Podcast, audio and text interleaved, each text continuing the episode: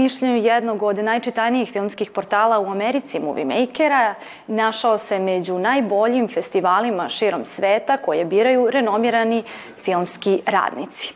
Januar je mesec kada se pod njegovim okriljem okupljaju mladi filmski stvaraoci iz čitavog sveta i renomirana imena sedme umetnosti. Najavljujemo ga na početku Arterije, a ovo su naslovi dana. 17. Kustendorf od 23. do 27. januara na Mokroj gori. Multimedijalna izložba Seće se zauvek Aleksandar Tišma u Kulturnom centru Novog Sada. Saopšteni dobitnici nagrade Peđa Tomanović u Srpskom narodnom pozorištu.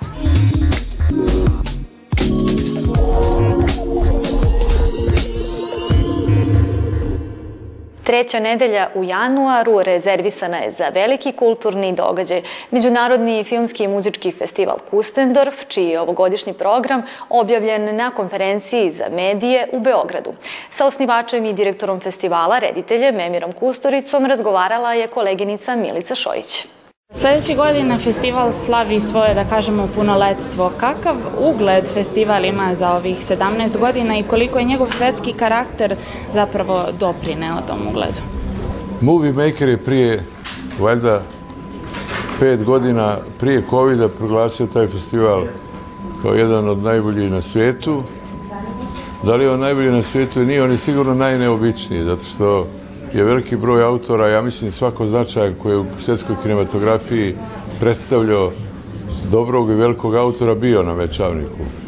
I taj spektar je stvarno ogroman i ta se tendencija nastavlja, odnosno ta formula u kojoj mladi ljudi sreću svoje idole, odnosno one koji, čiji rukopis e, pokušavaju da e, primijene u svojim filmovima, pa poslije pronalaze i svoj, Ja mislim da ta formula funkcioniše jako dobro na tom festivalu i njegova izolovanost. To je jedan, to je praktično jedno strce kulture koje živi tih 5 e, do 7 dana i u kojem se jednostavno sjedinjuju sve ideja. Najbolje o tome govori zapravo ta potvrda da su naši studenti već počeli da otvaraju svjetske festivale, da pune dvorane i da jednostavno taj svjetski koncept, ne regionalni, dakle ne ono što film kao izdvaja iz svjetskog koncepta a, i što ga, nažalost, onda čini provincijalni. Mi smo to razbili i ja mislim da je e, tvrdoglavost u tom pravcu urodila plodom. Kako rekao, naši studenti već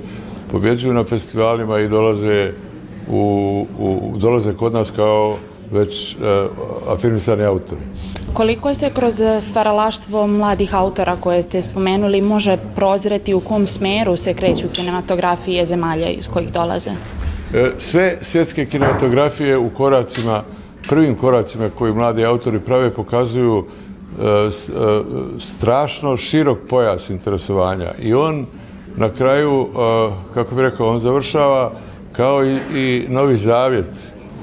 Sve se vrti oko istih tema oko velikih životnih ideja, propasti, e, putovanja u veliki grad, razočarenja, ali povratka u svoje mjesto ili svoje selo gdje postoji ipak život ili barem se e, rekonstruiše vjera u život. Postoje mnoge teme koje su e, univerzalne i najčešće se danas dešava da te univerzalne teme ne budu interpretirane novom formom, nego se E, ljudi, nažalost, a to nije slučaj sa studentskim filmima, uglavljuju u taj dinamički, dinamičku percepciju koja je za 20-30 godina nametnula reklama i da bi ušli u bioskop i držali pažnju gledalaca koji telefoniraju, jedu kokice, piju, pričaju, da bi zadržao pažnju moraš da mijenjaš kadrove vrlo brzo. E, to je sad ta komercijalna strana, za razliku od koje autori puštaju da njihovi otkucaj srca budu uh, uh,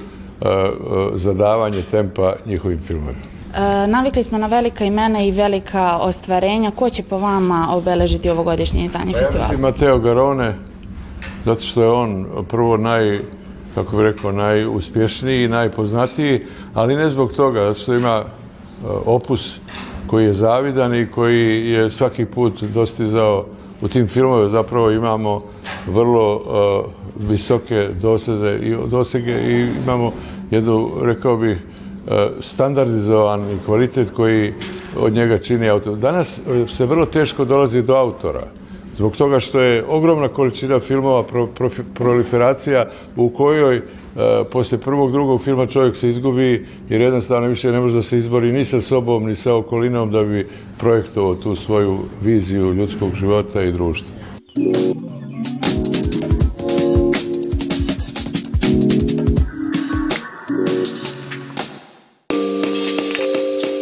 Dimitrije Aranđelović za ulogu u predstavi Evanđelje po Fjodoru Mihajloviću Dostojevskom reditelja Jerneja Lorencija. Anđela Pećinar za ulogu Sibile u predstavi Bertove Kočije ili Sibila Ivana Cerovića, te studentkinja glume Akademije umetnosti u Novom Sadu Emilija Milosavljević, dobitnici su nagrade Predrag Peđa Tomanović, koju dodeljuje istoimena zadužbina.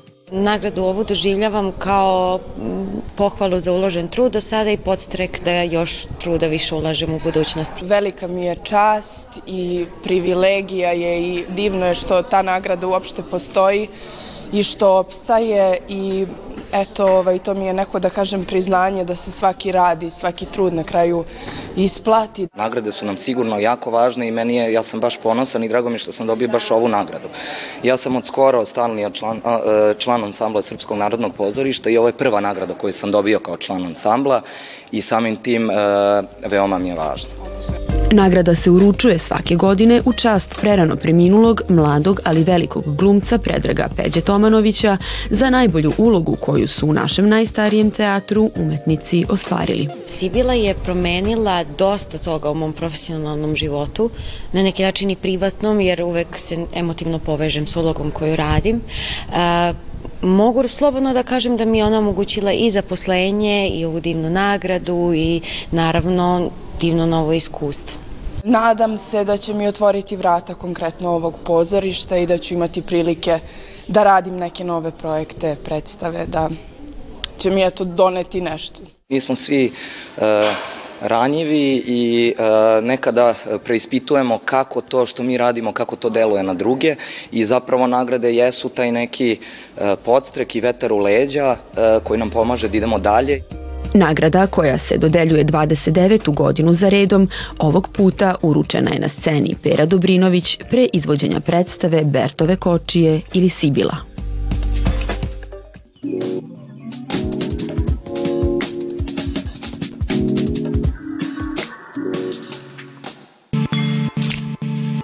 Povodom stogodišnjice rođenja jednog od najznačajnijih pisaca 20. veka Aleksandra Tišme, a u okviru manifestacije Ledena tišina, koja neguje sećanje na žrtve holokausta, u likovnom salonu Kulturnog centra Novog Sada otvorena je multimedijalno dokumentarna izložba Sećaj se zauvek Aleksandar Tišma, autorke Mirjane Frau Gardinovački. Na današnji dan rođen je srpski književnik jevreskog porekla, čiji je opus preveden na čak 22 strana jezika. Aleksandar Tišma, koji je živeo i na Novosadskoj adresi kao jedan od najplodnijih stvaralaca, ostavio je u amanet bogatu književnu građu, te ostao upamćen kao jedan od najzaslužnijih za širenje kulture sećanja na žrtve holokausta. Tišma je svojim delom i svojim poreklom vezan za temu holokausta. Nije u pitanju lično proživljeno iskustvo kada je on u pitanju, ali jeste iskustvo koje je imala njegova baka, Terez Miller, koja je sticajem srećnih okolnosti izbegla pogubljenje tokom Novosadske racije kada je bila na svega nekoliko metara od rupe probijene u ledu na, na Dunavu. Autorka Gardinovački pokušala je da predstavi ličnost i delo pisca spajajući modernu tehnologiju i dokumentarnu građu. Na monitorima su se nizale ilustracije i animacije kao i stihovi iz tišminih dela. Prikazani su njegova biografija, sabrana dela, fotoprilozi evropskih pisaca koji govore o njegovom stvaralaštvu, kao i podaci o fondaciji Aleksandar Tišma.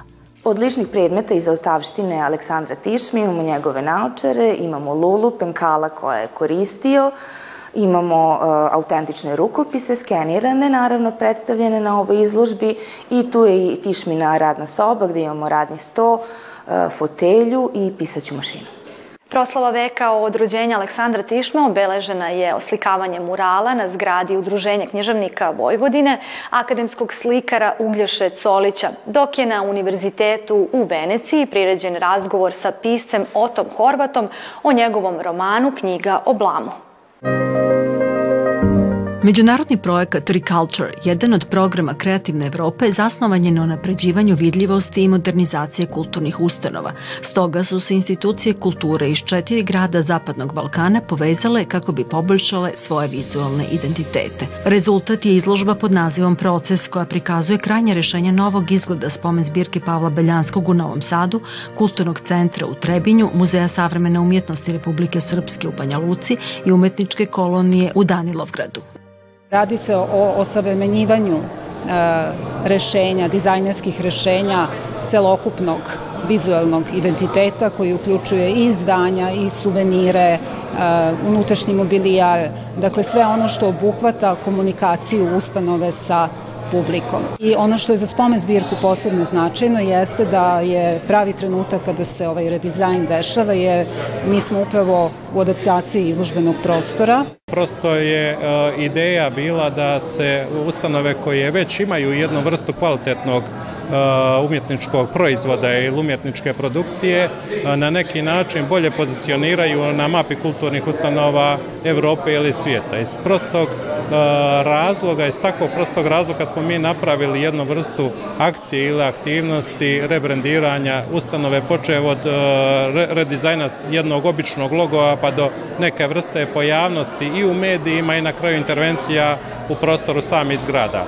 Izložba je rezultat trogodišnjeg rada i procesa do konačnih rešenja kroz koje je prošlo osam mladih dizajnera uz mentorstvo njihovih uglednih kolega iz zemlje, regiona Austrije i Francuske. Svaka institucija dobila i novi sajt, a kao promotivni materijal bili su postavljeni posteri koje su posetioci mogli da ponesu jer je to poster identiteta i deo jednog velikog procesa. Pre nego što postanu deo ovih institucija kulture, vizualni identiteti prikazani su u Muzeju savremene umetnosti Vojvodine do 28. januara, a posle Novosađana videće ih publika u ostala tri grada, Trebinju, Danilovgradu i Banja Luci. Sutra će u Novosadskom ogranku Srpske akademije nauka i umetnosti biti otvorena izložba u čast Zaharije Stefanovića Orfelina povodom 15 godina kaligrafske kolonije za nastavnike na putu Zaharije Orfelina. Biće to prilika da se podsjeti na očuvanje drevne umetnosti i veštine lepog pisanja. Prijatno!